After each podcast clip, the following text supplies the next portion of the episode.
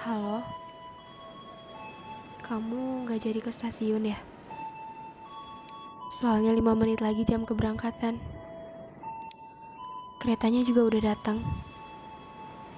Tapi aku masih nunggu kamu. Belum check in. Oh, jadi nggak bisa ya? Ya udah kalau gitu. nggak apa-apa. Iya beneran. Oh iya, kalau gitu aku pamit pulang ya. Oke.